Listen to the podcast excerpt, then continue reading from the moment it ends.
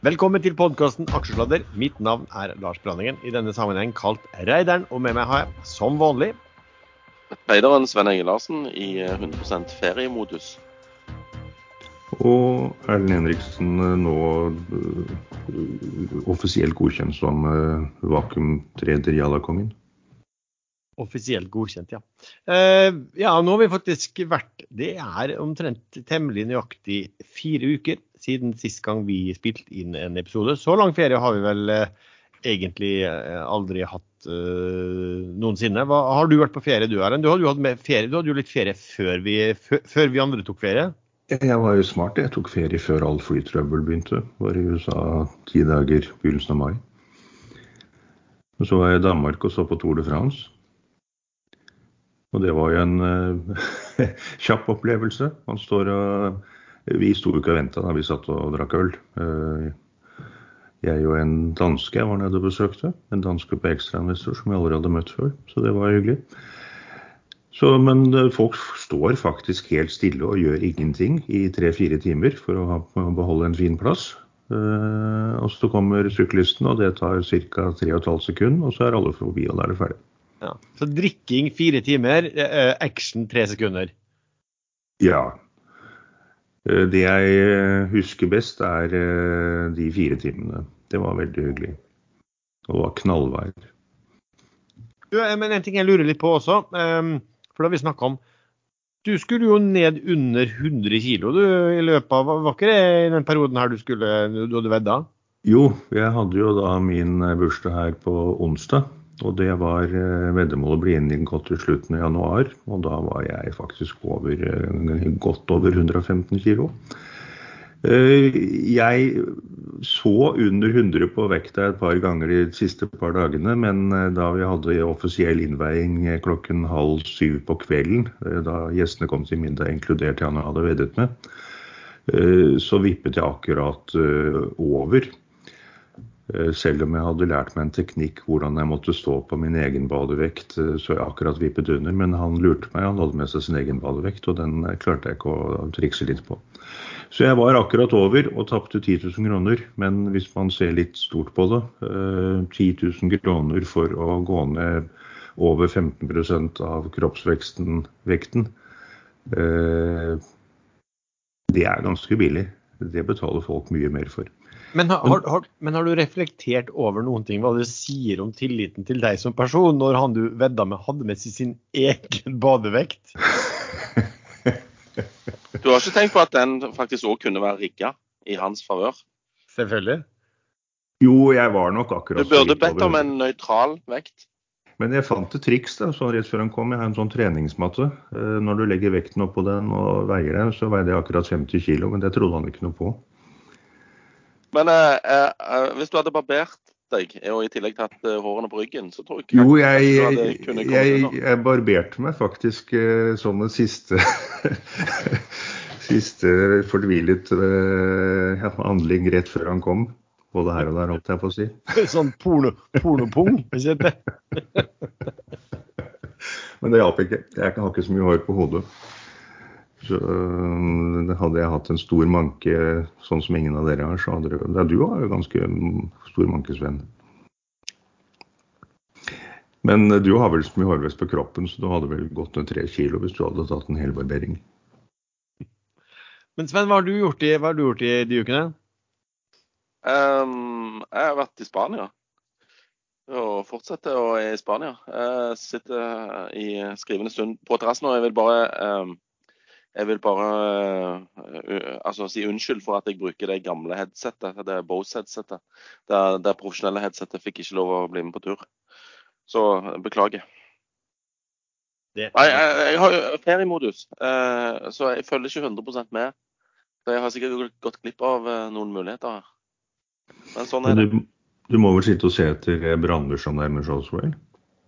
Ja, det har vært eh, bank i bordet relativt rolig eh, siden eh, mai.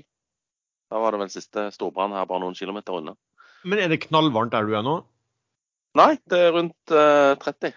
Eh, og planen er at vi stikker til eh, en plass sør for Cadiz nå utpå ettermiddagen og, og, og, bor der i tre netter. Der er det òg ca. rundt 30. Men eh, går du et par kilometer inn i landet, så er du eh, oppe i 40. Det var ille i Portugal nå. Der er det enormt mange skogbranner. De har mistet kontroll. OK. Da, da, da, da er jeg ikke der. Eh, ja, for min del så har jeg, tror jeg nevnte det, for at jeg har jo da vært en tur i USA. Jeg var en ukes tid i New York, og så var jeg noen dager i Las Vegas. Og så var jeg en del dager i, til slutt i Los Angeles. Las Vegas var veldig varmt. Der var det 42 grader mens vi var der. Så når man var ute, så var man jo gjerne ute på kvelden eller å eller, eller, eller bada, eh, sånn sett. Men det er jo nok, nok å gjøre innendørs i, eh, i Las Vegas sånn sett. Det er det aller verste når det er steinvarmt inne i en by. Da har man ikke noe sted å gjemme seg, liksom. Nei, og det var jo ganske varmt i eh, New York mens vi var der også. Det, det var det, og det, Man kjenner jo det godt når du kommer inn i en by hvor alt står, står stille og sånn. Da, da, blir det, da blir det rimelig varmt, altså. Men sånn er det. Så nå er man tilbake igjen etter å ha skulle fly med SAS, og da skjedde jo det selvfølgelig halvannet døgn før man skulle reise at SAS meldte at eh, flyet ditt er innstilt. Men klart de, de er jo tvunget til å omboke det, da, og klarte jo å gjøre det på på en, eh, på en grei måte. Er litt lengre reise, men ikke så mye. Og, og, bra flyselskap, så, så, det er greit. Så nå er man bare å få litt, litt sånn døgnvillighet ut og prøve å komme seg tilbake igjen i markedet. For jeg tror i løpet av de tre ukene jeg aldri har fulgt så lite med i aksjemarkedet på. Det, det, er veldig mange år siden man har gjort det. Så, så det var jo, var jo, greit nok, det. OK, eh, men få høre litt. Hva, hva, vi trenger ikke å si alle fire ukene, men hva har du, det, du gjort av handler i det siste Nei, App. Nå holder vi på å snakke oss helt bort. Hva var det vi holdt på å glemme nå, Erlend? Disclaimer. Ja, nettopp. Jeg òg nesten glemte hvordan vi gjør dette podkast-greiene. For dette føles helt rart nå. sånn er det. Kan... Det blir sånn nybegynnersending. Ja, det blir det. Hvordan, eh, jeg kan ta den disclaimeren litt fort. Vi ringer råd dersom du hører på hva vi sier her om markedet, aksjer, enkeltaksjer og livet for øvrig, er ansvaret helt og holdent ditt eget. Det kan forekomme feil i det vi sier i programmet, og panelet og panelets gjester kan være lang, kort, direkte eller indirekte eksponert i aksjeselskaper og produkter som omtales i programmet. For Få høre, Sven, hva har du egentlig gjort av de interessante handler da, de, de siste ukene? Du måtte legge til den interessante handler. Den ble ja, kort. Kun, jeg var litt redd for at det kunne være utrolig mange. da. Ja, Nei, det var veldig lite. Så nå, når du tar og begrenser med interessante handler, så må jeg da faktisk logge meg på øh, weben i Pareto her for å se hva faen jeg har gjort. Skal vi se. Sluttsedler sånn. Uh, ja, jeg har kjøpt litt skjelf. Det gjorde jeg i går, for det husker jeg. Uh, og så prøvde jeg å kjøpe sånn BV Ideol, men der var det lite å få fatt i. Uh, Trada bitte litt Instabank igjen, for der har jo kommet nyheter om at danskene ikke vil eller ikke klarer å hoste opp Eh, penger eh, som de trenger for å kjøpe eh, Instabank, disse Lunar. Så har jo liksom valuation på Klarna f.eks. De har nettopp henta 600 millioner dollar, var det vel. Og har kutta prisingen med 85% siden siste emisjon. Og tydelig at Lunar òg må kutte kraftig i sin verdivurdering. Og den, den, sitter kanskje litt langt inne, så kanskje hele dritten bare imploderer istedenfor. Ikke vet jeg. Eh, skal vi se. Jo, eh, så prøvde jeg meg på eh, å kjøpe um, dette her eh, Scandic Hotels i Sverige. Eh, Ticker Shot. Uh, for en uke siden. For det var en ivrig bergenser på ekstrainvestor som mente han hadde funnet, funnet gull. Og, men den gikk ut på even, Steven. ingen fest der.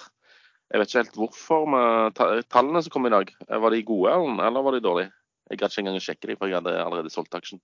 Det er vel kanskje nye koronanedstengninger folk ja. frykter. Det skal ja. nok veldig mye ja. til at det blir stengt ned, men uh... Men shot, uh, de, altså Scandic Hotel, som var den du spurte om, uh, Sven. Ja. De, de, de, hadde vel guida på forhånd da, hvor, i rangen der de, der de, ville komme inn med tall, og de kom liksom ja, i øvre, helt klart øvre del av, av rangen. Ja, OK. Ja, uh, uansett. Jeg solgte den før tallene. fordi at jeg tenkte hvis mange uh, har uh, tatt den på forventning om gode tall, så blir det sell the news. men han, han, ligger ganske rolig rundt 40 blank, som han har gjort denne uken som jeg har holdt på.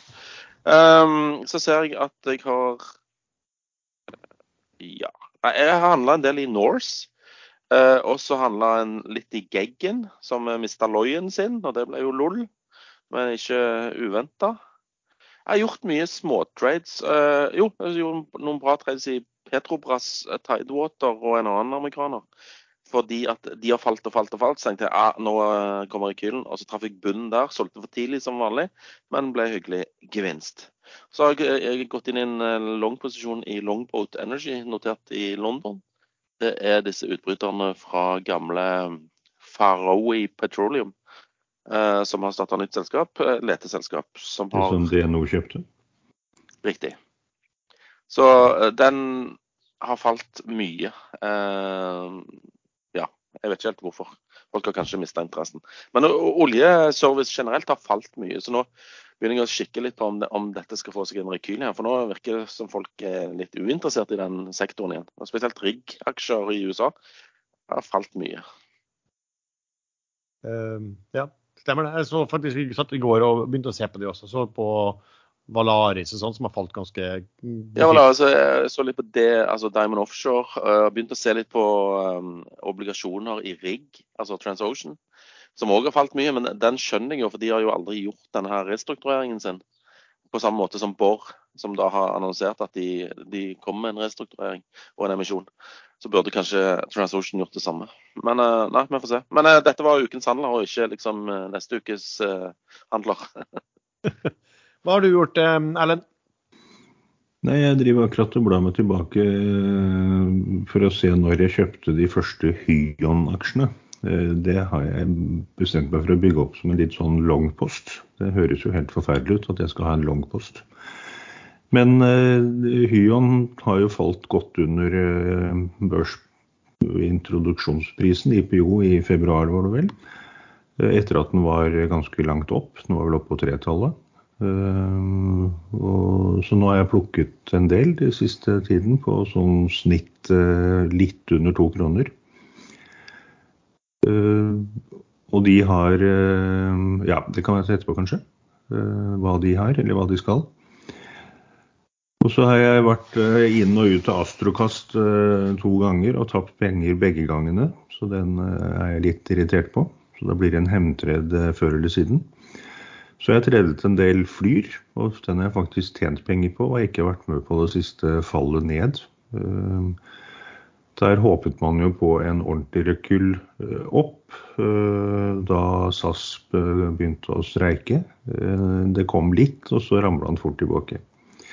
Så, og da spørs det om Tanken var jo at uh, SAS og Norwegian ville få mange flere passasjerer, ikke bare i sommer, men også utover høsten. Uh, men så viste det seg kjapt fra de som sitter i bransjen at uh, spesielt Flyr hadde jo solgt nesten alle billettene for hele sommeren før SAS-trekken begynte, så det var ikke så mye de profiterte på kort sikt.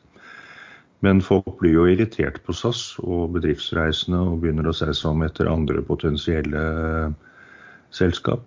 Så det kan jo det kan jo være positivt for både Flyr og SAS uh, utover høsten. Uansett om streiken i SAS løses eller ikke.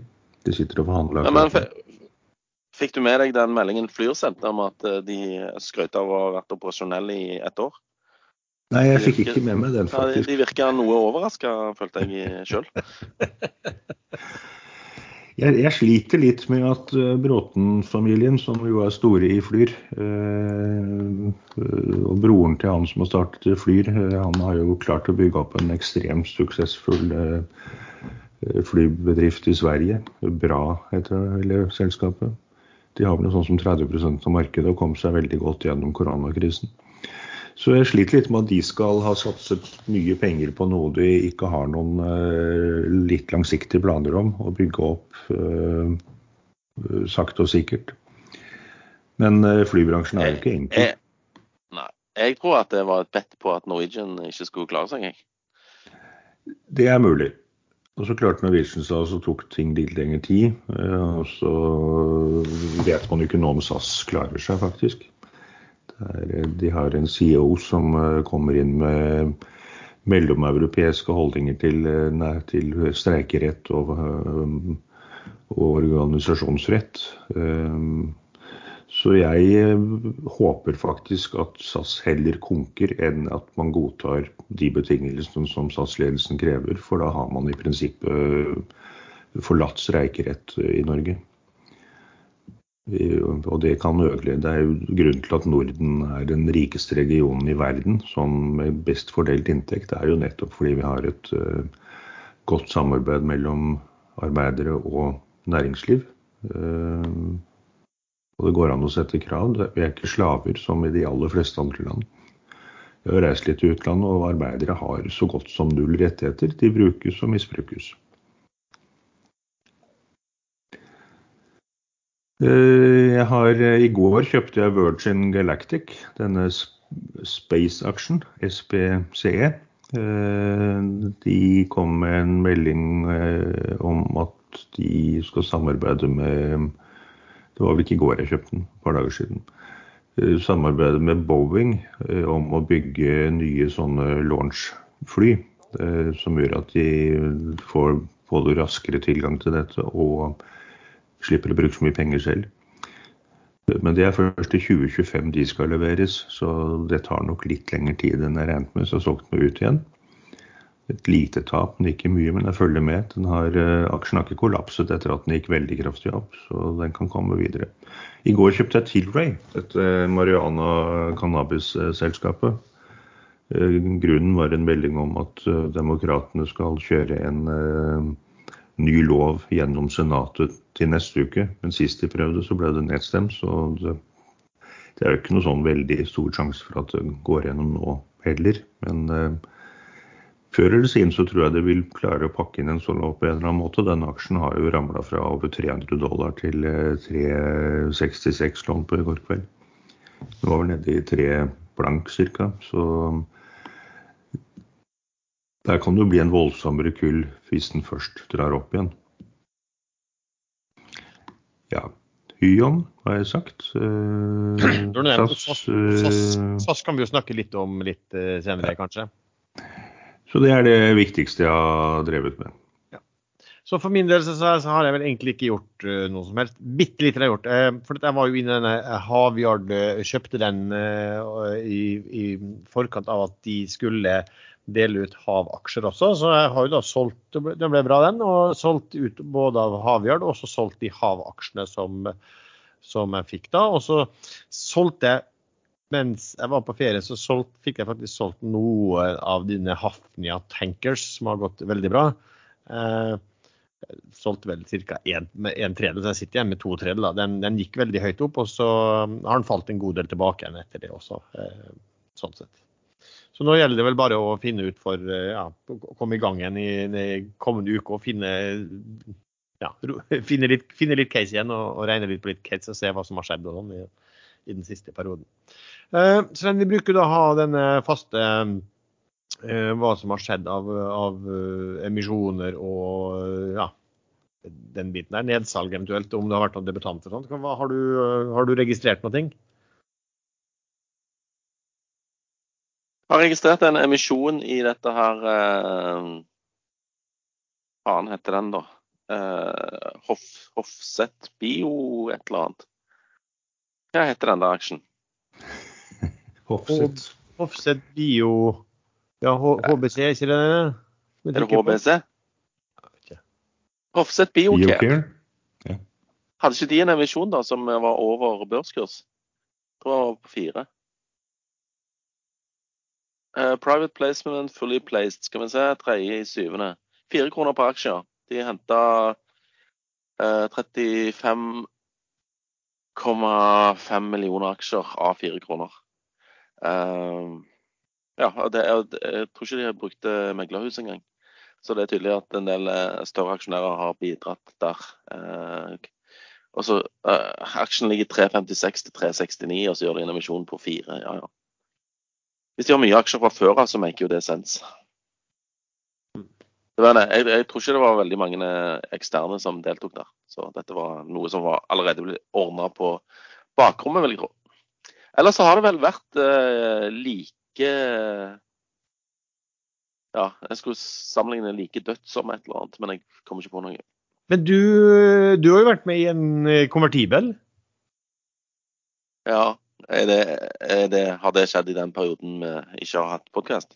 Eh, Er, ja. ja, er det så lenge siden? Nei, jeg var med i en konvertibel sammen med andre profilerte investorer uten hår. uh, I Aega. Eh, de gjorde en konvert, konvertibelt lån.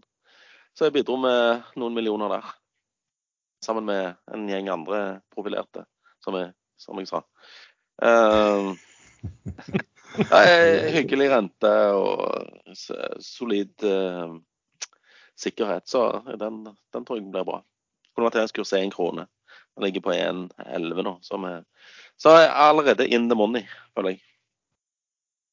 Yes. Men, men det har ikke skjedd veldig mye, og det skal ikke skje veldig mye midt på sommeren heller når det gjelder emisjoner og nedsalg. Det kommer en emisjon i Borr, har de sagt, men det skjer etter tallene den 11. august.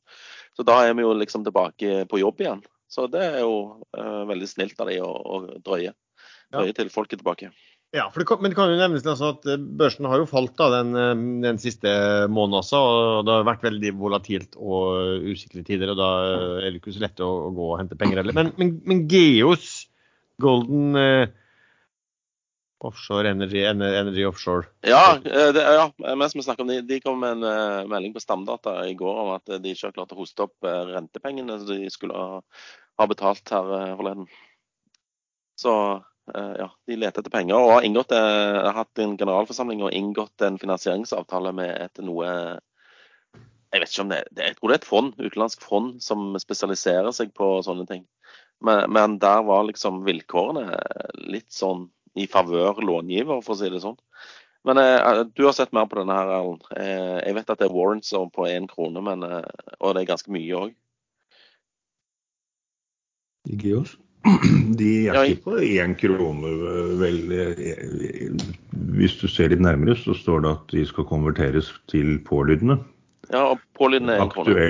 Ja, nå er det en krone, ja, men det står Ja, ja. til pålydende den dagen det konverteres. Så hvis eh, kursen faller under en krone, så må jo selskapet innkalle til en ekstraordinær generalforsamling eh, og sette ned, skrive ned eh, aksjekapitalen før de kan konvertere. Kan Er du, det er du sikker på at de må det, at långiver har rett til å kreve nedsetting av pålydende? Det er jeg ganske sikker på, at det ikke er lov å utstede aksjer Nei, det, er, det er lov å utstede over pålydende, det er riktig. det har du rett. i. Ja. Men eh, kan långiver kreve at Altså, det er ikke de som sitter på aksjene. Ja, Eh, si det sånn. Hvorfor har de puttet inn den formuleringen i avtalen hvis ikke det er det de sikter på? Eh, hvilken formulering? Jeg, jeg har ikke lest At hele avtalen. Nei, det står en kommentar om at aksjene, vårlønnsene, skal konverteres til pålydende den aktuelle dagen for konvertering. Ja. Husker Ja, ja, ikke de har- ordlyden, de men har- det er det de har puttet inn. Ja, de, de har uh, åpna for at pålydene kan være eh, lavere. Men, eh, men en motpart, altså den som gir lån, eller det er jo en konvertibel, men, eller lån med warrants, eller hva, man, hva det var for noe. Men det, er det er det der Hover Mark sitt selskap der? Er det der Oak Tree Capital Management? Ja, Oak Tree, stemmer det. Ja. Det er jo, eh, det er jo skikkelig greier å få på å få, å få, å få med seg det, men det er klart det, det, De er proffe. Betingelsene blir jo, da, blir jo da deretter. For det var jo en del håp om at, at her skulle de kunne klare å hente inn penger på og at reelle verdier var liksom tre og fire og fem og seks kroner, liksom. Eh, Så det ble vel en ganske stor skuffelse da, når, når de får finansiert seg og skal kunne konverteres til én krone. For det var sånn at, var det sånn Ja, at men, men det, ja, denne avtalen har nok, de har nok brukt en del tid på å fremforhandle den. Sånn at eh, ja, aksjekursen var vel litt annerledes når de begynte med dette. Mm. Det er sant. Um, en annen da, også av de som har vært i sånn restruktureringsmodus, Doff, de har vel også kommet nå med en um, ja, et, et forslag til enighet med, med um, långiverne og et forslag til generalforsamlingen da, på, på hva som skal avtales. Hva, Erlend, har du sett på hva det ble? Ja, eh, Forslaget ble at de skal konvertere jeg mener det var 5,7 milliarder eh, NOK av, eh, av lånene. Så det er vel ca. en fjerdedel av lånene. Og dagens aksjonærer skal sitte igjen med 4 Og Da kan man jo lett regne seg fram til, til antall aksjer det kommer i selskapet. Det blir inkludert dagens aksjer ca. 7,9 milliarder. Eh, Men det kommer jo litt an på hvilken kurs det blir, kommer jo an på om långiverne må ta en helkutt eller ikke. Og det er ikke offentliggjort noe om ennå. Så sannsynligvis pluss-minus 0,50 blir vel konverteringskursen. Sånn uh, fingeren i været, tenk på et tall. Uh, ja, det, det, det, ble aldri opplyst liksom, hva konverteringskursen blir, og hva liksom, recovery blir på disse obligasjonene. Og Jeg bare så et intervju med en som hadde en del uh, obligasjoner. Han sa at recovery blir mellom 20 og 120% i, for obligasjonseierne. Pga. at det er ikke satt noen kurs liksom her. Det er bare satt at det skal ha så og så mye andel av det, den nye egenkapitalen. Hvis man tenker litt motsatt, da, 7,9 eh, milliarder aksjer, hvis, det, hvis eh, den eh, konverteringen settes på én krone, så vil market cap være 7,9 milliarder kroner. Og det er nok ikke Doff verdt i dag. Så hvis man antar at market cap, fair market cap når det nå kommer restrukturert ut til markedet på halvparten, så, så blir kursen rundt 50 øre. Men det er egentlig ikke så farlig. Ja, her, har man, her har man en uh, aksjonærgruppe som er ganske stor og ganske irritert på at det skal kjøres en konvertering av aksjer, ikke bare uh, justere lånebetingelser og fortsette som det er fordi markedet har bedret seg. Uh, og de har eh, høyst sannsynlig kontrollerer de rundt eh, en tredjedel av alle aksjene. Eh, og i og med at Doff har kjørt denne konverteringsforhandlingene uten å kjøre en chapter 11-prosess, så må de ha to tredjedels flertall på generalforsamlingen for å få dette vedtatt. Og det kan jeg ikke helt skjønne hvordan de skal klare. Så jeg skjønner ikke hvorfor Doff ikke kjørte dette inn i en chapter 11-prosess. Da hadde det holdt med 50% flertall. Ja, men kan du si, nå, nå var jo den grupperingen der De klarte jo ikke å bli enige om eh, For det var jo snakk om at de skulle tilbys en, eh, en styreplass. Eh, og de klarte jo ikke å bli enige seg imellom om hvem, hvis jeg riktig, forstår riktig, hvem som skulle være. Og ikke stemte de heller på siste eh, generalforsamling. Så, så, det virker som den grupperingen er, sier sånn, er veldig løst eh, sammensatt. da. Ja, jeg ser at en av dem har kjøpt seg ganske kraftig opp. Kjøper nesten hver eneste dag. Men han har ikke kommet opp i mer enn eh, 3,5% eller noe sånt. Og Møgster har jo alene en tredjedel av alle aksjene. Nesten. Så Nei, det, men la oss si at dette blir nedstemt på generalforsamlingen. Eh, de klarer ikke å få flertall for den løsningen. Hva gjør långiverne da? De, Doff er jo allerede default. Eh, som du har påpekt, så er det ikke sikkert at de konker selskapet, men de kan vel overta pantene. Kan vel det, og det kommer jo an på om de, som sagt, de har vel noe sannsynligvis har de noe pant i aksjene i noe datterselskap. Altså, alt annet vil jo, vil jo, overraske meg sånn sett også. Men så er det jo selvfølgelig et spørsmål da, på Doff. Som, som, hvis du ser på de som sitter på aksjene, så er det sånn at, at den type selskap ser ut til å ha en veldig sterk bedring i resultater uh, for tiden. Så det er klart at de vil jo gjøre den, eh, den operasjonen også, og sette seg ned og prøve å regne på hva, hva er det liksom på tolv måneders sikt. Hvor mye, hvor, mye, hvor mye, kontanter da kan Doff eh, produsere? Eh, og, hvordan, og, hvordan, blir det da i forhold til lånebetjening? Vi ser uh, Møgster har 31,6% av aksjene. og Muland har noe via noe familie eller noe sånt litt lenger ned på listen. Uh, men en som heter Bjarte Brøndmo, som ikke jeg vet hvem er, har økt til 4,04 ja. altså, er, ikke det, er ikke det han i DDE, da? Jeg mener at vi har hørt navnet hans i forbindelse med Bergevert Larsen en gang for mange år siden. Kan det stemme? Nei, det er Bjarne Brøndbo, det. Sannsynligvis. Ja. Det går like nå. Nei, men Uansett så har jeg alltid litt sansen for aksjonærer som står på uh, rettighetene sine hvis de har en god sak. Uh, men hvis resultatet blir at uh, kreditorene faktisk innløser pantene sine, så blir jo dette en polarkussituasjon hvor alle taper alt. Bortsett fra kreditorene. Ja, Um, men det, det, er jo lov å prøve seg, da. Jeg vet ikke i hvilken grad selskapet i det hele tatt har hatt kontakt med denne aksjonærgruppen i, i forhandlingene også. Det, det, kan kanskje virke som det, det, har vært lite kontakt, hvis det er sånn at de er irriterte på den foreslåtte løsningen. Men så vi får vel se da hva som, hva som skjer. Jeg vet ikke om det er kalt inn til generalforsamling allerede. Har de gjort det, eller? Nei, det er ikke kalt inn ennå. Så for min del så holder jeg meg unna Doff til innkallingen kommer. Da kan det være at det blir en vakuumtred eh, når man ser betingelsene. Eh, men eh, så lenge ikke jeg er helt sikker på hva kreditorene kan og ikke kan gjøre, og hva hva som eventuelt blir stemt gjennom eller ikke stemt gjennom, så, så er den veldig farlig, syns jeg. Det var en del som ble tatt uh, på senga da Polarcus kastet en håndkle, eller uh, de gikk i vifte. Så flink du var nå, for nå ga du meg vel egentlig en litt sånn gratis uh, En lettvint overgang til et nytt tema. SAS, som jeg vet at du har holdt på å herje i Eh, og eh, bare ser at i dag i Finansavisen så er det en stor artikkel der det står overskriften er 'Det er for sent å vakuumhandle SAS nå'. og så kan jeg lese til deg at det står at kursbretten som SAS-aksjen har gjort seneste uke, ble før kalt 'dead cat bounce'. Det er et uttrykk som er like brukt nå, lite brukt nå. Da gjelder det å komme opp med et mer tidsriktig uttrykk og det gjorde privatinvestoren Erlend Henriksen i en ekstrainvestorpodkast. Der forklarte han at fraværet av store selgere skaper vakuum i en aksje helt til en nærmer seg offentliggjøring av betingelsene for den nye kapitalinnhentingen. Da gjelder det å være ute av aksjen. Vakuumhandel er et mer industrielt uttrykk og passer bedre i vår tid etter at handelsroboten har tatt over mye av handelen. Ja, Det er jo det store og heller riktig når eh, etter hvert som det nærmer seg klarhet i at et selskap skal rekonstrueres og dagens aksjonærer mister mesteparten, så begynner eh, alle intelligente investorer å selge seg ut.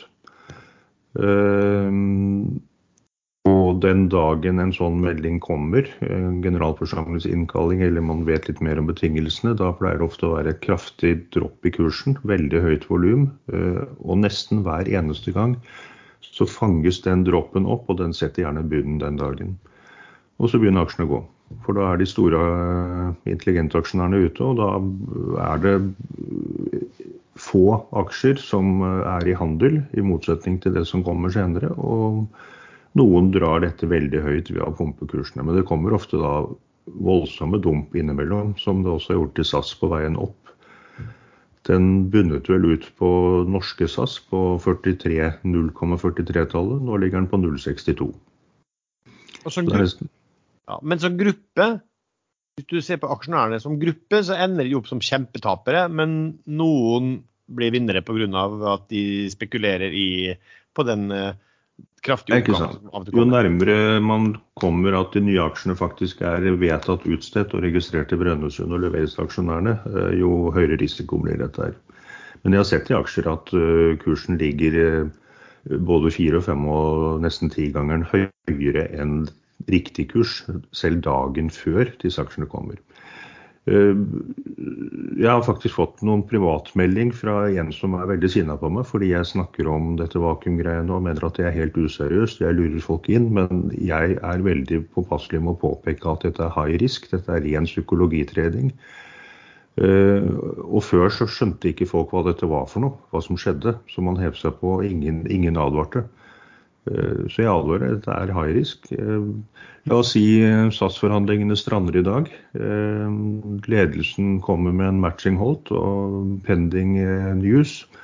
Og det er at chapter 11-prosessen avbrytes, selskapet konker. Da har man tapt alt. Ja. Altså, nå har jo vi men, men, men, men, ja, jeg må bare få skyte inn her. Hvordan er det endelig å, å få anerkjennelse for det årelange arbeidet du har lagt ned i denne vakuumteorien? Ja, jeg har jo aldri skjønt ja. Og er det for seint uh, i år for å liksom nominere noen til eh, den nobelprisen i økonomi uh, for det arbeidet du har gjort? Nei, jeg er litt usikker på når den uh, tidsfristen går ut. Men jeg har det pleier jo å være i desember at de deler ut, da. Så jeg vet ikke, det er, er mulig det ikke er for sent. Kan ikke du Nei, okay. nominere meg? Jo, jeg, jeg, har for, jeg, har for, dårlig begrunnelse. En galning her som tror han har funnet opp hjulet på nytt, liksom.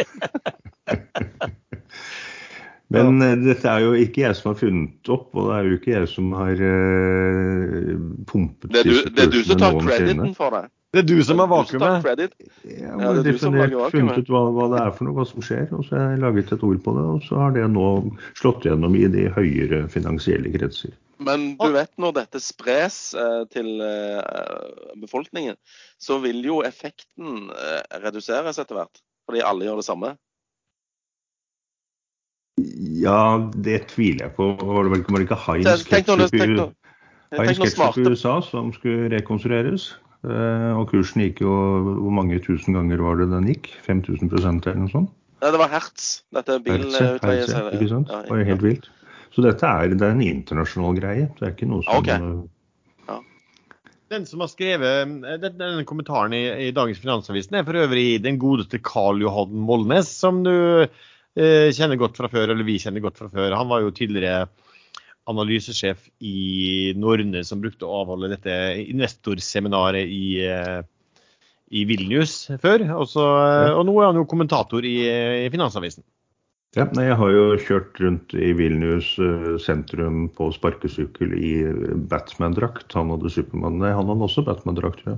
Så vi var en gjeng med Batman- og Superman-drakter. Det var veldig moro. Så ja, nei, jeg har alltid syntes han er flink. Han er jo nå ute av Arne Securities, så disse Vilnius-turene har dessverre eh, blitt slutt på. Eh, Men han, eh, han er åpen for nye ting, og sånn liker jeg. Men hans kommentar var vel som en følge av at Robert Ness, er det han heter?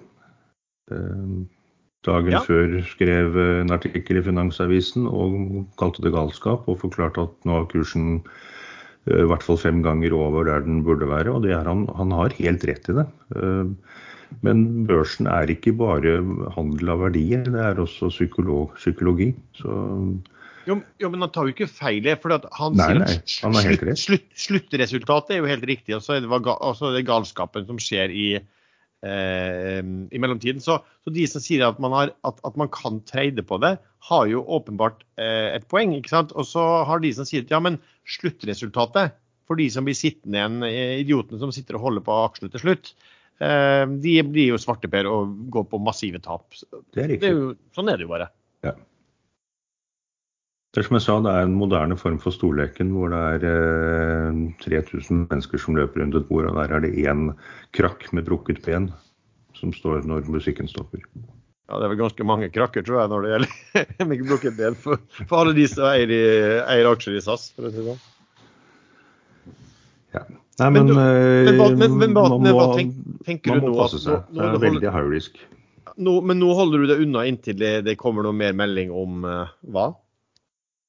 Nei, dette, denne streiken er egentlig bare ødeleggende for hele vakuumcaset. Den eh, bringer et uroelement inn i, som ikke med fordel ikke kunne, burde vært der. Så det, det er ikke streiken av løsningen på den som startet vakuumcaset. Den oppgangen begynte før før eh, Den begynte etter at streiken startet, eh, men den begynte før det ble bekreftet at de skulle forhandle på nytt. Så den har egentlig ingenting å si for et tradisjonelt vakuumcase, men den er forstyrrende element nå, så nå går kursen litt opp og ned rundt eh, 0,60. Hvis streiken løses, så vil, vil nok det oppfattes positivt. Eh, Fordi det er en sjanse for at eh, SAS konker raskere enn at den rett og slett dropper chapter 11-prosessen. Men clouet med denne det vakuumgreiene er at det er, eh, som SAS har meldt, så tar det mellom 9 og 12 måneder før den er ferdig forhandlet. Og i den perioden kan et selskap normalt ikke konke, hvis ikke ledelsen eh, selv kaster inn håndkleet og sier at dette får vi ikke til. Så det er, det er relativt lav risiko i den perioden, og det er grunnen til at eh, noen tør å ta tak i sånne aksjer og dra kursen opp. OK, eh, la oss gå videre til et stort tema vi har snakket mye om på makrosiden. Altså, Nå kom jo da um, inflasjonstall fra USA kom eh, i Ja, var det i forgårs det kom? Eh, og det skjer veldig mye sånn på makro og på rentesiden både i USA og ellers. Eh, Sven, for, hva, hva viste inflasjonstallene fra USA nå? Nominell årlig inflasjon på 9,1% versus eh, forventninger om 8,8. Kjerneinflasjonen kom inn eh, 5,9% versus 5,7. Så ja, eh, det er fortsatt eh, oppadgående. Eh, men nå sier jo enkelte at inflasjonen kommer til å falle måneden etterpå pga. at drivstoffprisene er på vei ned. Oljeprisen har jo falt f.eks. under 100 dollar, og en del andre råvarer har også falt i pris. Men fortsatt så er jo realrenta relativt negativ, for å si det mildt. Så eh, renta skal opp i USA. Eh, spørsmålet er nå skal den opp eh, en, altså 100 basispunkter eller 75. Oddsen heller vel mot at det blir 75. Og fallet i forskjellige priser har vel òg egentlig fått økonomen til å tro at rentetoppen ikke blir så høy som, som Fed har indikert. Men ikke vet jeg. Men har ikke det ikke sånn at markedet begynner å prise inn også at Fed skal kutte renten i 2023, da? Eh, jo. jo. Eh, og det kan jo tyde på at eh, oppbremsningen i økonomien ble, blir sterkere enn de har sett for seg. Så det, det, er jo dette som er det vanskelige for Fed, det å, å, å stoppe prisene, eh, altså prisstigningen, men ikke stoppe det nok til at det blir eh, at økonomien bremser opp for mye. Og Det er det som kalles en soft landing, hvis de, eh, altså versus en hard landing. Da, for ja, hard landing betyr jo crash. crash. Og uh, min, min, tese på det, det er faktisk at hvis markedet tror at uh, Fed kutter renten i 2023, så, så min, min, tese er at jeg, jeg, tror de er helt feil ute. Og så, så var det noen som skrev om det, så han Bill Eckman sa noe av det samme. Og så var det en som skrev i går, som hadde vel jobbet innenfor eh, mot sentralbanker også. og Det var faktisk veldig interessant. Han skrev sånn psykologisk. Han sa at det man må huske, på, sånn, på alle disse som sitter i de Fed-komiteene, det er de er ekstremt hva skal si, blitt ydmyket av egne vurderinger. Altså, de har snakket om transitory. De har bommet eh, noe av tidenes bom, og det er de veldig klar over, som han sa. Og nå må de virkelig rette det til. Og så, fortalte, så skrev han litt om historikken også. De, de, tenker nå på hvordan de vil bli husket. Altså, Hvis de blir husket som noen som, som der inflasjonen liksom ble, ble, liggende fast høyt, så er det katastrofalt for omdømmet. At det kom en resesjon mens de satt eh, i komiteen, ja, det gjør, gjør, det stort sett. Så det, det tok de, ja, mente han at det, tok, det kom ikke de til å ta så, uh, så hardt på. Og da nevnte han som, som kanskje dere har lest også, altså han, han, som bekjempet inflasjonen for mange år siden eh, i USA, han Volker heter han vel, som, eh, som gikk med ganske høye realrenter. Han har jo egentlig blitt liksom, ettertid en, ja, fått et veldig godt renommé for det. Mens han som uh, var vel en som het Arthur Burns, som brukte alle mulige uh, forklaringer om transitory og alt der også, og som, og som endte opp med, med som sentralbank uh, hvor de hadde Eh, langvarig inflasjon og, og endte opp med et veldig dårlig omdømme. Så han mente at de, de, de, altså de er bare nødt, de kommer til å kjøre på inflasjon uansett. Eh, knallhardt. Eh, og om det innebærer da en, eh, en, eh, en resesjon, so, so beat. Han trodde ikke at de kom til å begynne å kutte på, på dette. For da, da, var, da var sjansen for at du bare kommer tilbake i det samme igjen. At plutselig så stiger inflasjonen igjen. Ja, nå var det vel, ja, altså, eh, nesten 80 sannsynlighet var det vel JP Morgan som sa at det blir 1 eh, renteøkning på neste rentemøte i USA. Ja, det, det, falt litt dagen etterpå, til ca. 50 50 sjanse for én. Men jeg, jeg, jeg, ja. Ja, 0,75 blir det vel bortimot uansett. Så det er jo ja. som renteøkning eh, på kort tid. Ja. Uh, men jeg, jeg, kikker akkurat på en uh, oversikt på Twitter her på råvarepriser. Hvordan de ligger an i forhold til year to date highs. Så har faktisk Det var ikke meg. Nei, det var meg. Jeg må sende en kjapp melding. Ja, Du kommuniserer med kaffetrakteren? Ja, eh, så, så, viser det Elektrikeren. Ah, ja. Så viser det at aluminium har falt eh, 39 fra, fra årets høyeste. Eh, nummer to på listen er litt artig, da. Det er chicken wings. Jeg visste ikke at det var en egen commodity, men det er det tydeligvis. Den har falt 38 for, Followed by hvete, som er liksom den innsats altså, som kommer fra Ukraina, som de er store på å eksportere. Så den har òg falt med 37 og, og trevarer, eh, bomull, eh, korn, altså andre typer korn. Eh, naturgass falt 28% crude oil 22% kaffe 20 Så det går jo rette veien med tanke på priser. Eh, så spørsmålet er, eh, tror jeg, da, hvor dyp blir resesjonen? Det, det, er det jeg føler liksom det, det kommer en resesjon, men blir han dyp eller blir han mild? Mm. Ja, men det spørsmålet er jo også om ikke dette er bare midlertidig reduksjon i prisene før det drar seg til igjen. Det grunnleggende problemene med fraktproblematikk og Kina-nedstengninger øh, og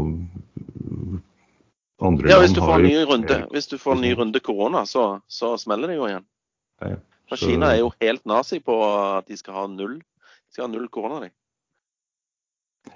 Ja, og det kommer de til å fortsette med til partikongressen er gjennomført i november, er det vel? Men, men, det er vel sånn at markedet nå kommer bli altså Du får kanskje ikke de store reaksjonene lenger på kortsiktig inflasjon. Um, nå, nå, vet alle at de kommer til å sette opp ganske mye. og Det, det er kanskje ikke sånn om, om de setter opp 0,75 eller om de setter opp 1 Det spiller vel egentlig ikke så veldig stor rolle nå sånn kortsiktig. Nå begynner det å bli sånn mer om kommer dette til å medføre resesjon, og kommer man til å, å altså, kommer markedet til å fortsette å tro på at, at renten skal, skal falle eh, neste år? Um, og det er vel mange som tror da at den inflasjonstallene som vi, vi fikk nå på på ja, hva det går eller hvor det eh, at det er eh, de, de høyeste Det var på onsdag. onsdag. At det var det høyeste vi kommer til å se. Ut ifra råvareprisene. Så, så, er det jo sånn at uh, noe av det som øker nå, er jo dette her med bokostnadene. Vi, vi har jo vært inne på det før, at de, de på en måte er undervurdert i uh, inflasjon. Så du kan, skal ikke se bort ifra at at bare de neste tolv måneder så, så, kan bokostnader fort utgjøre over 3% på inflasjon alene. Og da kan man ikke ha så veldig mye økninger fra de andre heller. Og, og målsettingen er jo 2 da, over lang tid. Men, men hva er tesen, eh, Erlend? Eh, tror du at de kommer til å kjøre på så hardt med renten? At, altså, og da, ikke bare sentralbanken i USA, men andre steder også. At man, man, man kommer til å få en sånn bred, bred global resesjon? Og i så fall blir den dyp, eller blir den mild? Jeg har jo sagt før og mener fremdeles at hvis prisstigningen øker kraftig, øh, og rentene samtidig øker kraftig uten at lønningene følger på i samme tempo, så, så vil det jo før eller siden bli en uh, resesjon. Folk har ikke råd til å handle lenger. Men det som, kan, det som, kan, drive prisene opp igjen kraftig, det er jo hvis internasjonale store aktører, gruveselskap, uh, de som driver med frakt, logistikk generelt, hvis, produsenter, hvis de konker. Hvis de ikke takler drivstoffprisene og sitter med store lagre av varer som ikke de får sendt av gårde og ikke får betalt for, så, så risikerer man at det blir disruption i hele produksjon- og transportkjeden. Um, og da vil det bli mangel på varer igjen, sånn som vi så her uh, for kort tid siden. Um, og da kan jo prisene gå veldig kraftig opp. Men tror, men, tror du, men tror, du, det, eller tror du at inflasjonen vi så nå er den høyeste vi kommer til å se? Nei, jeg tror vi får tosifret. Hva tror du, Sven? Nei, jeg tror ingenting. Men uh, ikke umulig at Erlend får rett. Ja. Jeg tror, vi, jeg tror, kanskje vi så den høyeste nå. Uh, uh, men det er, er, det er så mye, det er så mye, mye puslebiter. Det er liksom vanskelig å, å, å, gjøre en sånn veldig sterk veldig Det er sånn generell regel at vondt skal alltid bli verre. Eh, og man har jo egentlig ikke sett veldig stor smerte noe sted nå. Aksjemarkedet er ned, men det er ikke noe brutalt nedbrått. Det har jo ikke vært en eneste dag med mer enn 3-4% fall. Vi mangler liksom 10 fallet over eh, to-tre dager på rad. USA, SMP 500 nå, den er vel ned, ja, ned 7,5% hittil i år. Da. Så det er klart at, som vi har vært inne på før, at Norge er jo den som har fått, eh, har hatt det veldig bra i forhold til andre. Selv om nå Norge også har snudd ned og har, har utvikla mye dårligere enn i hvert fall det amerikanske da, den siste, siste måneden. Men vi har liksom sett litt skrubbsår på knærne rundt omkring, og folk sliter litt med å betale regninger. Men vi har ikke sett at blodet flyter i gatene. Det er ikke 30-40 arbeidsløse noe sted. Så hvis man plutselig begynner å komme inn i en sånn spiral, så, så, så, blir det jo veldig ille. Men jeg sier ikke at det skjer, jeg bare sier at nå ser jeg ikke hva som skal løftes opp igjen på kort sikt. Det er for mange negative signaler på egentlig det meste. Mm. Men det er jo alltid sånn i markedet at nå, et marked at nå, hvis, hvis, allting, altså hvis det meste av negative ting er innbakt og sånn, så, så, kan jo det være et godt tegn, eller et godt tidspunkt å begynne å kjøpe på. Når, når, ja, når hvis det er det. Men nå har jo oljeprisen falt, og det er jo vanligvis godt for økonomien. For 120-30 dollar, eh, da begynner det å komme opp i litt krisenivåer for veldig mange aktører. Eh, men hvis grunnen til at oljeprisen har falt er fordi markedet forventer en resesjon, eh, så er det ikke nødvendigvis positivt. Men jeg tror nok oljeprisen skal opp igjen uansett, for det, det, produseres for lite olje i dag i henhold til antatt forbruk. Så det må jo bli en voldsom resesjon før det forbruket skal falle så mye av dagens produksjon av olje og gass holder. Eh, ta selvfølgelig kombinert med sanksjoner mot Russland. Men der er det også Ja, Europa tar ikke imot gass lenger. Russland har stengt gassrørledningen, og det tas, sendes veldig mye mindre olje til Vesten fra Russland. Men de selger jo til andre land, som da kan selge mer til Norge. Saudi-Arabia har nå blitt en storkjøper av russisk olje. Så foreløpig blir Russland kvitt all oljen sin. Gassen sliter de vel med, for der har de ikke rørledninger, eh, bortsett fra en til Kina og litt andre småting. Eh, men det Vesten håper på, er jo at sanksjonene vil medføre at ikke de får kjørt service på oljeinstallasjonene sine og ikke får startet opp nye oljefelt. Eh, og da vil det plutselig gå fort nedover i Russland.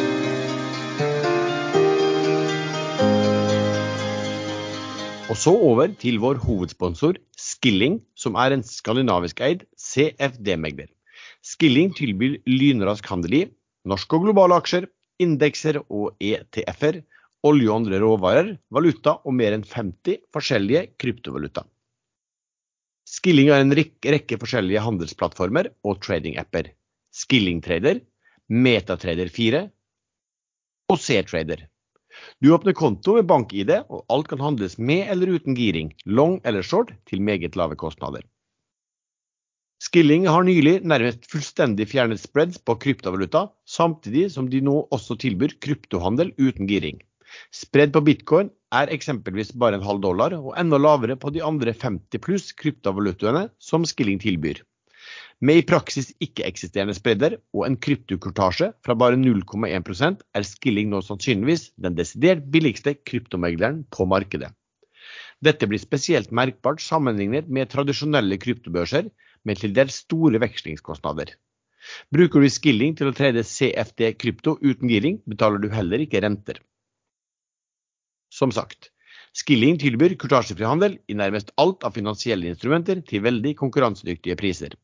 Skilling har kundeservice på norsk og industriens laveste kostnader på kryptohandel. Sjekk ut skilling.no om du ikke allerede har gjort det, og åpne skillingkonto med bank-ID risikoadvarsel. 66% av ikke-profesjonelle kunder taper.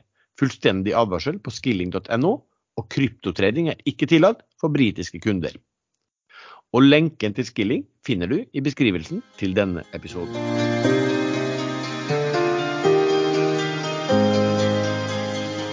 Vi hopper fra Russland og et land vi ikke har snakket om hittil i episoden, men vi har snakket mye om det før. Kan det, kan det, se ut som vi begynner å se tegn til litt økonomisk trøbbel i Kina nå? Erlend?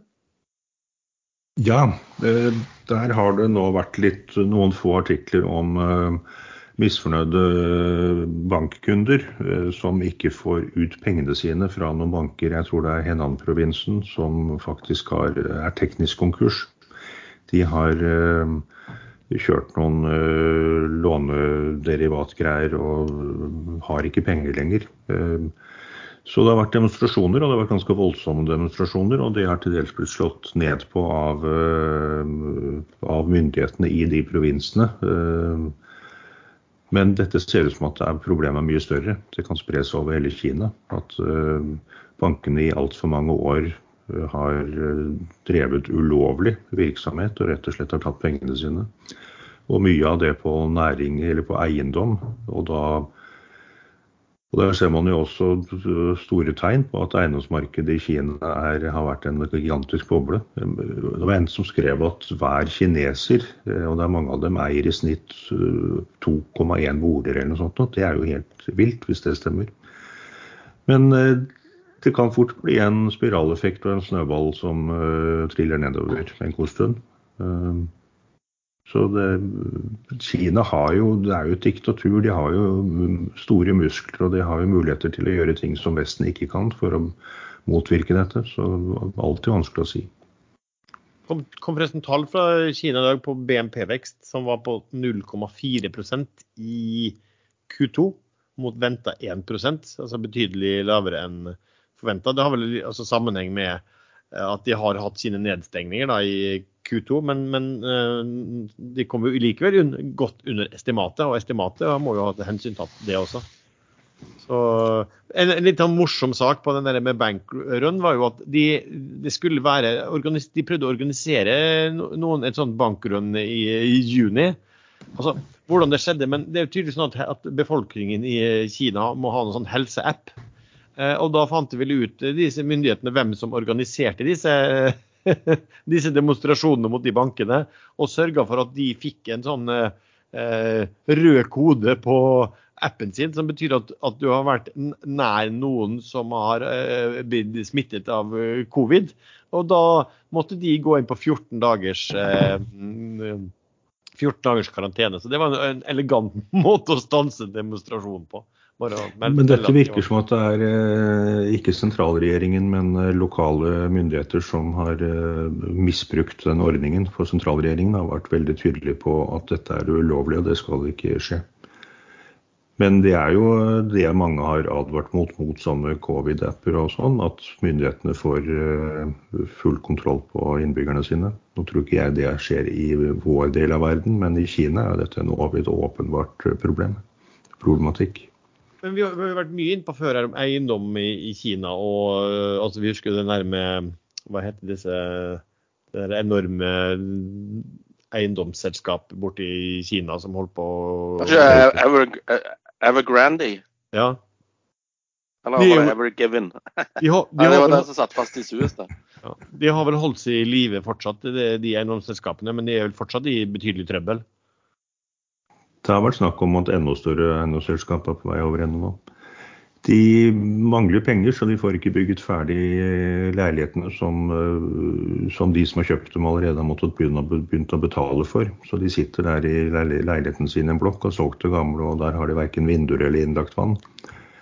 Så det, det er, Kina har en del problemer. Det høres ut som det har oppstått et slags vakuum i eh, boligmarkedet i Kina. Kan vi ja, på noen måte utnytte dette vakuumet? Ja, nei, nå, nå, er jeg sånn at jeg prinsipielt ikke investerer i kinesiske aksjer eller noe i det hele tatt. Heller ikke russiske, for jeg eh, bruker det som en liten privat protest. Jeg trodde du skulle si at du ikke investerte i eiendom, men OK. Nei, jeg vet ikke om eiendom er det riktige nå. Den hyttetomta jeg kjøpte, har jeg ikke bygget på ennå. Jeg venter og ser litt hvordan ting går. Ja, men Det blir i hvert fall spennende å se da med Kina. for da, da er det jo sånn at De, de, de, kalte vel at de streiker vel også de som skal betale da på, på um, boliglånene sine. På, og på de boligene som de, som de, har kjøpt og ikke flyttet inn igjen. da. Så det er klart, Hvis, hvis sånt brer seg, så blir jo det, blir jo det um, uheldig. Um, og, og hvis eh, Min, min sånn lille uro er at hvis det skulle komme en eller annen form for økonomisk trøbbel i Kina eh, Det skal vel snart være noen sånn partikongress å lese der også.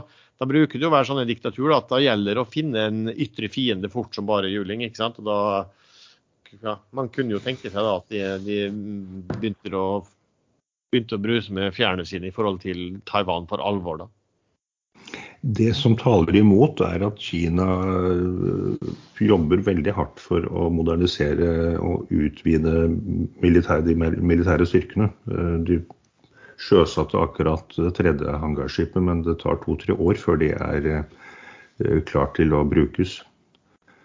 Så det ville ødelagt Kinas langsiktige planer å gå til invasjon mot Taiwan nå, tror jeg. Og den er heller ikke lett å innta den øyen. Det er ikke noen gode landingsplasser. Så da må de jo bruke Russlands taktikk og bombe landet sønder og sammen.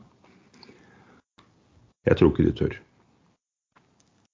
Nei, altså det vil jo, det vil jo skape i hvert fall store problemer i forhold til altså, handel med andre land og alt dette hva som, hva som måtte foregå. Så er det ikke på Taiwan eller i Taiwan at uh, de lager masse sånne chips? Altså semiconductors. Så hvis de bomber den øya der, så blir det en del sånn chip shortages rundt forbi. Ja, Hvor mye de vil bombe den? De vil i hvert fall overta kontrollen på den. da. Ja, ja, ja. Men eh, hvis de, som Erlend sa, bruker Russland-taktikk Vi har også fått noen spørsmål, selvfølgelig, på, eh, fra um, ulike lyttere. Uh, her var det en som spør uh, hvor mye meravkastning i forhold til indeks uh, per år vil være hensiktsmessig for å drive heltid med trading og investering? Sven? Det er jo et veldig um, egentlig omfattende spørsmål. For det spørs jo veldig på hvor mye investeringskapital du har tilgjengelig. Har du et par milliarder, så tror jeg du er fornøyd med indeks. Uh, har du 100 000, så må du nok slå uh, indeksen uh, med 10 000 hver, hvert år en periode for at du skal kunne leve av det.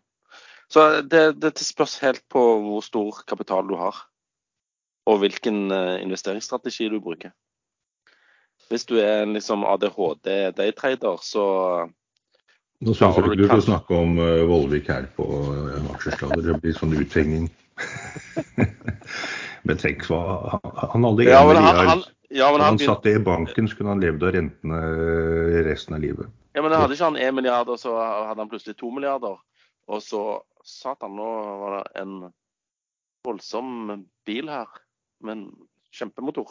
Eh, eh, Men grunnen til at han hadde nesten to milliarder, var vel fordi han gikk all in og tok over 60-70 av selskap som ingen andre ville ha. Så ja, ja, ja. Så da, da dobla han jo kursene. Så plutselig hadde han to milliarder. Men egentlig var det ikke verdt en halv milliard engang.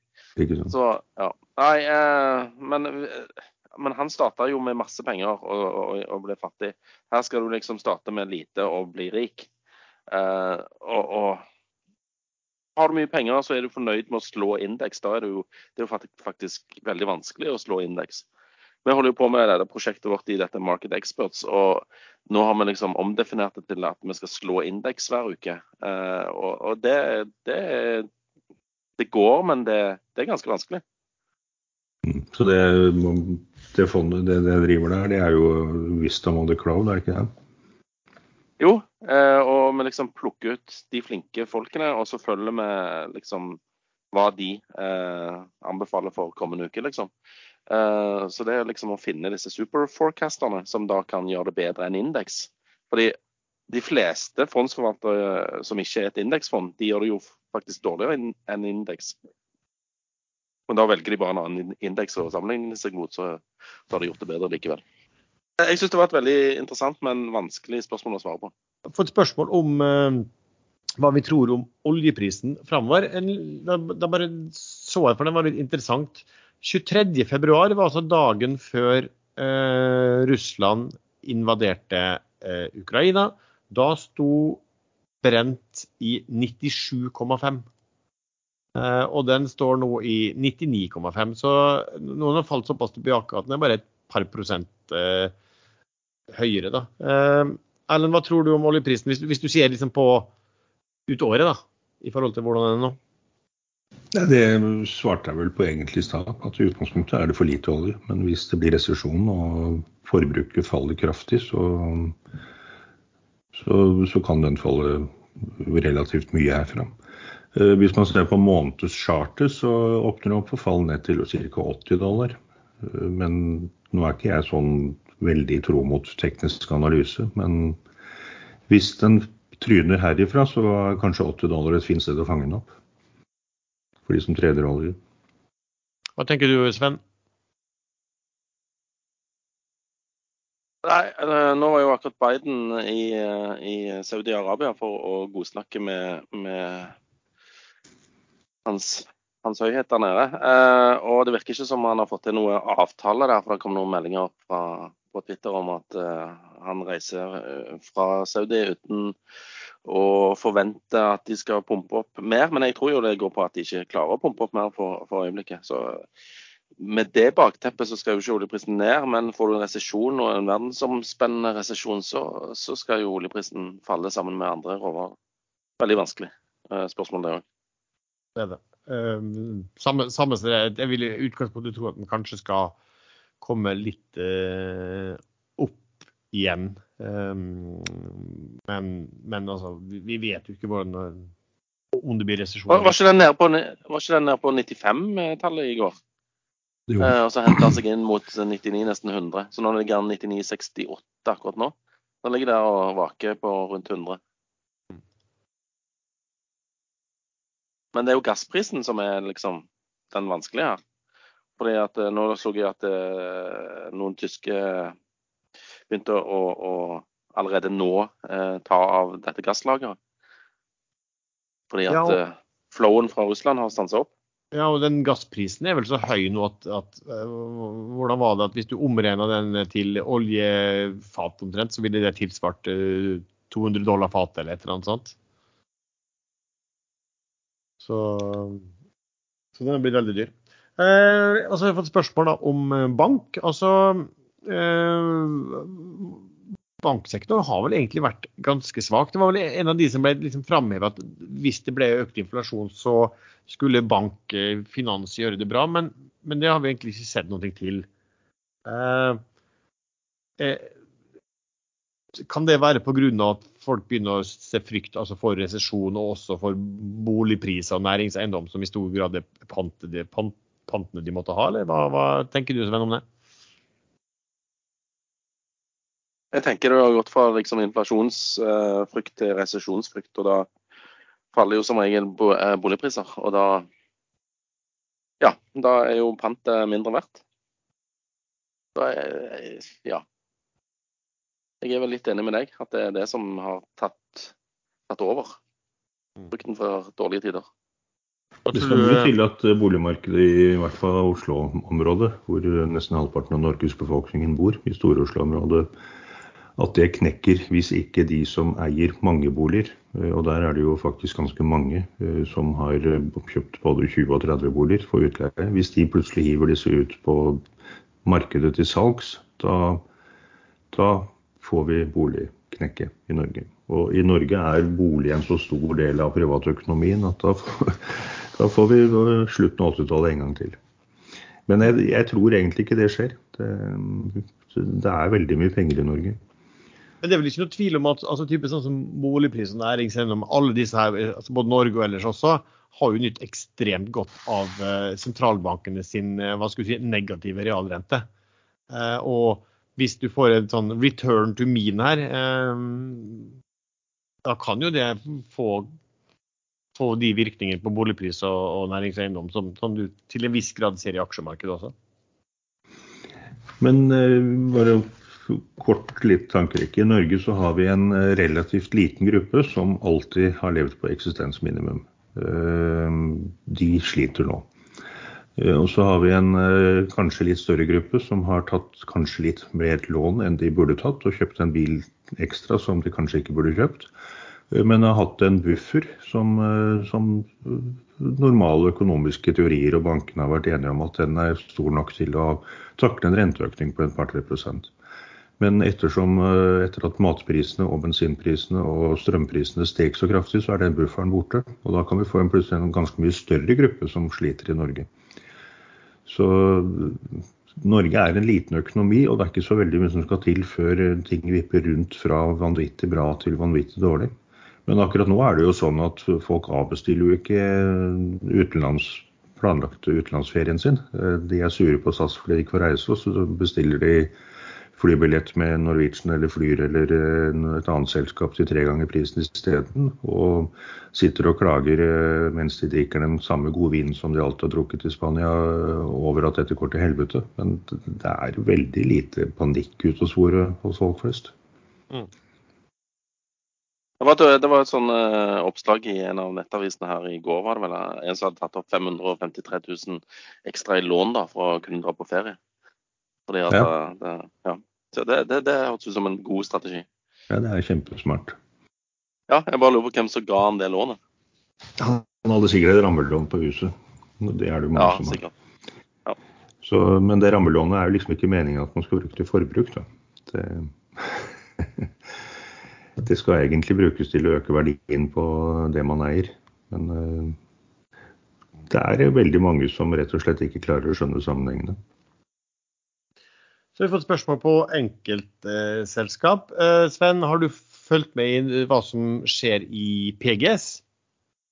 Uh, nei, altså jeg var jo med på emisjonen i PGS på 370. Uh, den ble jo hyggelig, selv om tildelingen var noe laber. Men eh, og så eh, har det jo vært gode tider eh, spådd for seismikk framover. Så aksjekursen har jo gått rett i taket, og så nå har den ramla rett i gulvet igjen. Men der kommer den fra aksje 2, gjør det ikke det? Nei, den er, den er, levert. Den er levert, den er levert ja. okay. Når ble den levert? Den ble levert i slutten av uh, juni. Ja, men Er det de som kommer ut nå, da? Det virker jo nesten sånn, da. Mm. Men det, det, skjedde ikke umiddelbart, så det har tatt litt tid. Men rektørende som kursene, de er vel eh, først om noen dager, er det ikke det? Men det er vel ikke så mange? Nei, det er ikke så mange. Er, nå er kursen på PGS 597, og han var eh, Var ikke den oppe i åttetallet, da? Var den, eller var den enda høyere? Enda høyere, tror jeg. Skal vi se her på chartet. Ja, åtte. Han toucha så vidt åtte. Så nå er han nede på rett under seks. Så, men eh, alt av oljeservice har falt ganske kraftig de siste ukene. Så det er vel eh, bare med i drag, dragsuget der. Um, er det et spørsmål på en aksje som du har fulgt mye med på, som vi har snakket mye om? En svensk aksje, Onkopeptides. Ja, eh, de kom jo da med melding om at de fikk EMA-godkjennelse, altså europeisk godkjennelse for den samme medisinen som, som de selv trakk tilbake fra USA som de reverserte etterpå. Ehm, men da sa jo selskapet helt tydelig at de trengte penger, eh, og kursen falt godt under 20 kroner. Eh, og da håpet jeg på at den skulle ta en såkalt gap-tetting ned til 14 kroner, men det skjedde ikke. Den snudde brått opp. Så jeg hev meg inn en dag på 22,70 og solgte samme dag på over 26 og var veldig happy. Og så dro kursen opp til eh, et stykke opp på 30-tallet like etterpå. Men i går satt det en emisjon på gårsdagens sluttkurs på 28 et eller annet. Ehm, så null rabatt og ingen rep-emisjon, så pengene er allerede inne i selskapet. Ehm, det er til dels store internasjonale og nordiske aktører som, som kan bransjen. Så dette er nok lange penger som har kommet inn i Oncopeptides. Og nå ligger kursen på 31,14 eh, akkurat nå. Så hvis det viser seg at dette ikke er vanlige emisjonsaktører, som det har sikkert vært et par som har pumpet ut litt for å ta en krone eller to gevinst allerede, men hvis, den, eh, hvis de slutter å selge, så kan kursen plutselig gå 30-40% på et par dager, som den har gjort før. men var du inne i den når den, når den smalt opp? Nei, jeg var med på Oncopepidus har jeg egentlig vært inne sånn litt hele tiden. Jeg, kjøpte den på 3,70 første gang, og var med halvparten av veien opp til 23. Så fikk jeg med meg 3-4 kroner til nå, så jeg har egentlig fått med ca. halvparten av den stigningen med en relativt grei øh, post. Så... Men, men du, du, solgte rett før uh, den nyheten fra EMA, eller hva det heter for noe? Uh, ja, jeg, ikke, jeg, satt ikke inne da den kom. Uh, Nei, den, viste, den, den, jo, jo, den, kunne jo gått begge veier. Ja, den gikk jo ned. Kursen gikk ned på den nyheten. Så der viste du jo egentlig eh, litt sånn profesjonell investortendenser. Ja, det var derfor jeg ikke ville sitte. Ja, det, det, burde du kanskje ikke gjort? Nei, i ettertid så burde jeg selvfølgelig ikke gjort det. Nå ligger jo kursen fem kroner høyere enn der vi solgte det siste. Så... Nei, jeg bare tenker på at Hvis du bare hadde lukket øynene og håpet på det beste, som du kanskje gjorde før i tiden, så hadde du jo blitt kjemperik her. Ja, men det, da jeg lukket øynene og så håpet på det beste før i tiden, så hendte det at jeg ble ganske fattig på det faktisk. Så, oftere fattig enn rik på å lukke øynene. Men tenk på den onkopeptides. Altså, første gang vi begynte å snakke om den, var jo da den hadde falt så voldsomt. Den falt ned på, den falt ned på tre, husker vi kjøpte den på tretallet. Mm. Eh, og så var man vel sikkert opp, en, opp til fem-seks kroner i løpet av noen få dager og var kjempefornøyd, liksom. Men nå står den i 30. Men nå som da EMA har godkjent dette, og man vet at FDA i USA var med på disse møtene og fulgte med, eh, så skal det veldig mye til at eh, USA ikke trekker tilbake innsigelsen sin mot dette. Og da har de plutselig både det europeiske og det amerikanske markedet tilbake. Så jeg tror Onkopeptide skal høyt. Det endte til over 400 millioner kroner i går. Helt syk historie, egentlig. Altså, den kursen her var ikke den i over 200 og sånn? Jo, det var innsidekjøp på langt over 100. ja, ja, og så falt, så falt den pga. disse resultatene som var for dårlige, og de ikke fikk tillatelser og alt der, og typisk sånn eh, biotek som mislykkes helt. Og så på en eller annen måte har de klart å få snudd, eh, snudd det hele. Mm. Jo, men det, det, hører jo til sjeldenhetene. Normalt sett når, de, når de mister disse biotekene, så går de jo rett i vifta. Ja. Altså, De faller 90% og så faller de 90% til, og så er de konk. Ja, de, de, og de, de, falt, de, her falt jo sine 90% og 90% til uh, disse her også. Og ingen tok i det på en, på en god periode uh, før de snudde seg. Så det var, men det, var, det var høyst unormalt. Er helt enig. Ja. Men det som skjedde her, var at uh, myndighetene i USA mente på, uh, på uh, at de så en økt dødsrisiko. Men etter at da selskapet og EMA tolket de tallene nærmere, så var det en liten gruppe pasienter som fikk økt dødsrisiko.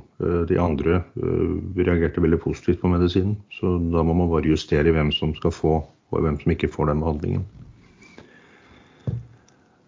Så det, jeg tror den aksjen har et enormt potensial. Den var ikke så stor, den utvanningen. Eh, de økte vel med 15 millioner aksjer eh, fra noen og 60 til noen og 70. Så det, det er liksom Selskapet er nesten som det var før. De har brukt en del eh, titalls eller hundretalls millioner på å avvikle USA, så de pengene er borte. Men dette har de klart med relativt liten utvanning. Jeg er mektig imponert. Her er også et spørsmål eh, om eh, at det er da vedlikehold på Nord Stream 1 om dagen, altså denne rørledningen fra, fra, Russland til Tyskland. Og hvis den ikke kommer i gang igjen, eh, hva skjer det da med den europeiske energikrisen? Hva skjer med industrien i Europa og Tyskland? Og er ikke da sannsynlighet for at prisene da går helt bananas veldig stor, skriver vedkommende.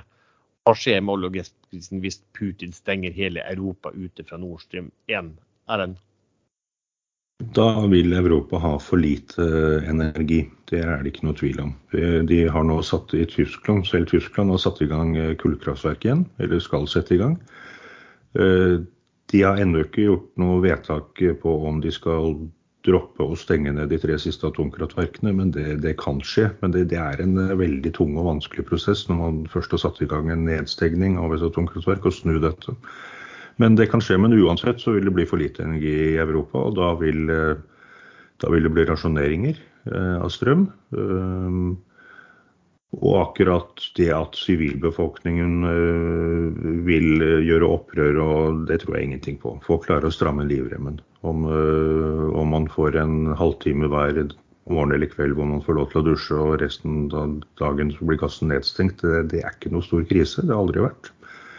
Da går folk mer og sykler mer og tar bussen og, og kler på seg litt varmere klær hjemme. Men industrien eh, som er helt avhengig av gass, det kan bli verre.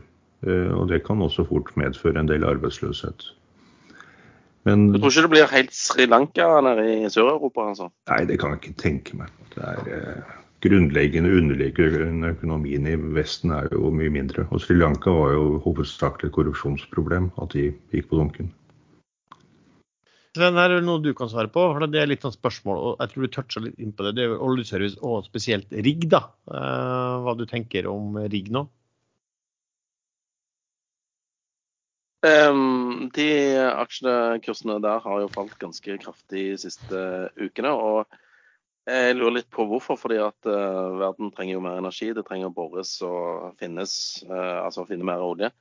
Så jeg har faktisk benytta den eh, siste tiden til å kjøpe litt riggaksjer. Begynt å se på de amerikanske, begynt å se litt på disse obligasjonene i TransOcean, som jeg sa tidligere. Jeg har kjøpt litt Shelf Drilling. De gjorde jo nettopp en emisjon fordi at de skulle kjøpe fem rigger fra dette sammenslåtte Mersk Noble. Og fordi at de måtte selge dem, så fikk de kjøpe dem til en gunstig pris. Eh, emisjonen var på 13 kroner, aksjene nå 11,30. Jeg kjøpte rundt disse nivåene i går, og eh, jeg kommer til å kjøpe litt mer der. Eh, og så kommer jeg til å Jeg tror det kommer en rekyl igjen, for jeg tror det må bores en del framover. Og ratene på rigger er på vei opp. Og oljeselskapene skjønner at de må, de må finne mer olje. Så jeg, jeg forstår egentlig ikke helt hvorfor kursene har falt såpass mye som de har den siste tiden. Nå spratt forresten oljeprisen over 100 igjen. Så ja. Hva, hva synes du? Du pleier å være flink på dette, Lars, å treffe disse riggaksjene. Ja, men altså, jeg, jeg, tenker bare at de har blitt dratt ned generelt sett av at oljeprisen faller. Ja, det er olje, korrelasjonen. Ikke sant. Og, så, og, da kaster man bare kortene på, på, på, på den type aksjer også, så har de, har de, har de gått mye. Men sånn eh, at selve liksom, hva skal vi si, fremtidsutsiktene deres skal se dårligere ut fordi at oljeprisen kortsiktig falt fra 100 til 120 til 100, eh, det har jeg vel litt liten tro på. Men, men igjen, da, du har, plutselig, altså, det er jo, det er jo den resesjonsfrykten. da, og, og da plutselig så, plutselig så du ut, går du fra det alle antar er uh, underskudd på uh, olje, eller altså at, at, at uh, produksjonen er lavere enn etterspørsel, til at, til at, det blir det motsatte, at du produserer mer enn hva man tilbyr. ikke sant? Det, det er klassisk. Men, men altså, hvis man ikke tror på noe sterk, sterk kraftig resesjon, så burde en del av disse her kunne være bra. Og da, da tror jeg litt sånn som du også. Det var derfor jeg sa at det var noe av det første jeg begynte å se på i går når jeg begynte å komme meg eh, litt ut av døgnvirheten, var å se på eh, Valaris f.eks., eh, som har falt ganske betydelig tilbake, den også. Men Apropos det å finne en ny, en ny olje. Jeg vet at du satt inne i denne Petrolia, og jeg sitter jo i dette Petrolia Noco. Og det var jo en, en brønn der på et prospekt som heter Bounty. Eh, da meldte de jo først at de hadde funnet indikasjoner på hydrokarboner. Eh, og kursen eh, gikk litt bananer, så folk spekulerte i om det kunne bli et nytt, nytt Johan Sverdrup, fordi det var liksom samme geologiske strukturen og alt dette her. Og, og jeg liksom Ja, dette blir good, tenkte jeg. Nå, nå kommer jeg til å tjene masse penger. Og så noen uker etterpå så kommer meldingen om at nei, det var indikasjoner, men brønnen var tørr. Den var litt kjip. Altså, du liksom sitter og ja. regner på hvor mye penger du skal tjene, og så tjente du ingenting. jeg fikk med meg det, for det skjedde jo mens jeg var på ferie, så jeg fikk med meg de, de, de meldingene der. Altså, jeg syns jo det er ekstremt merkelig, for de, de, visste at eh, denne her skulle ta veldig kort tid å bore. Ja. Eh, og, og, og, de melder da at, eh, at de, de, har oppdaget indikasjoner på hydrokarboner når de har kommet ned i reservoaret, liksom. ikke sant? Eh, og så går det en og en halv uke til, og så melder de at eh, den, eh, den er bestemt 'determined as a dry well with shows'. Ikke sant? Så, så det, det, altså Jeg er liksom perpleks over at man, over at man melder så tidlig hvis man ikke er ganske sikker på at det vil, at det, at, at det vil være noe der. da. Ikke bare Ja, jeg, jeg, var helt sikker på at de hadde funnet masse olje, jeg. Eh, ja. Så ja. Masse, masse, men at, at, det i hvert fall var noe som var interesse, og som, som gjorde at den lisensen der ja, ja, men det, det, var så liten sannsynlighet for suksess. Det var bare 16% så yes. jeg tenkte hvis de da finner olje, så finner de masse olje. For det, det gikk de òg ut med og, og, sa først, at uh, det kan være uh, viktig brønn med tanke på verdiene til våre aksjonærer, liksom. Uh, så ja. ja for, at, for at når, når, du borer en sånn brønn, så, så har du eller, eller, fire eller fem sånne bestanddeler. Du, du, deler den opp i, og så gjør du en sannsynlighetsvurdering på hver av de. Um, og så får du da prosenttallet til slutt, hva, hva er sannsynlighet for det. Og, og når disse her uh, kunne rapportere uh, indikasjoner på hydrokarbonet, så, så sa jo det, tilsa jo det selvfølgelig at, at prosentsannsynligheten her ville være, gå fort dramatisk opp også. Så jeg, jeg syns hele greia var, var, var, rart. Uh, men selve Petrolia blir jo interessant å se når de kommer med, med sitt halvårsregnskap, for de rapporterer jo ikke per kvartal. Uh, for de er jo et selskap som bør på sin oljeservice ha tjent uh, veldig gode penger. Det gjorde de jo i fjor, og de bør tjene enda bedre penger i år. da. sånn sett. Men det hadde jo vært veldig hyggelig å fått en skikkelig verdi av den Petrolia Noco på toppen. Så, så eh, ja. De, de, de har, Petroleum har sagt at de, skal, de, er veldig forsiktige og skal ikke melde for mye. og De, de har ikke sagt noen ting på et halvt år hvordan det går med denne, eh, denne lønnsomme oljeservice-divisjonen sin. Og så, og så, melder de liksom sånn førtidig om den brønnen der. Nei, det virker helt rart, hele opplegget. Men, eh, jeg, ble, jeg, ble, jeg ble noe skuffa, for å si det sånn. Sora, Sora Vondbråten. Er noe fattigere òg, eller eh, hadde det ikke så mye å si for deg? Jeg har vært noe ikke rikere.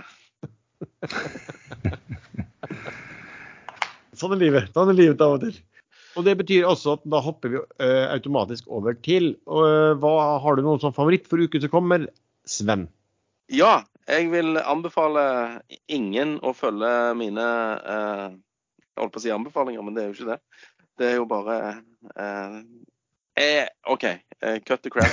Eh, nei, eh, riggaksjer. Jeg, jeg, tror det kommer en rekyl. Eh, kanskje òg vanlig oljeservice, men jeg, tar Skjelf. Eh, ikke Borr, for der kommer det en stor emisjon, og jeg vet ikke hva nivå den kommer på. Men eh, eh, Diamond Offshore, eh, Valaris Nå kommer det pinadø et jagerfly til. Putin har jo et palass, palass her nede, så kanskje det er det de holder på å bombe. Ikke vet jeg. Nei um, Jo, eh, rigg, skjelf og disse amerikanske. Det, um, og begrunnelsen har jeg gitt litt tidligere i sendingen. Så det er bare å spole til, til Altså, for de som bare hører på slutten av programmet, så anbefaler jeg å spole tilbake til start. Hva med deg, Erlend? En kommentar til eh, Svens eh, Rigg eh, Hvis, som jeg nevnt før, hvis det skulle skje noe drastisk i Russland og Putin på slike bestemmelser, og et demokratisk eller moderat styre overtar, hva skjer da med Rigg-aksjer og andre sånn på kort sikt?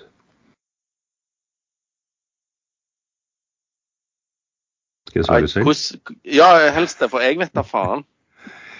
Nei, da tror jeg hvis det er såpass moderat at eh, man eh, ser i kortene at her kommer Vesten til å avslutte sanksjoner ganske kjapt, da vil jo markedet sikkert kalkulere inn at her kommer det mer olje og mer energi på markedet.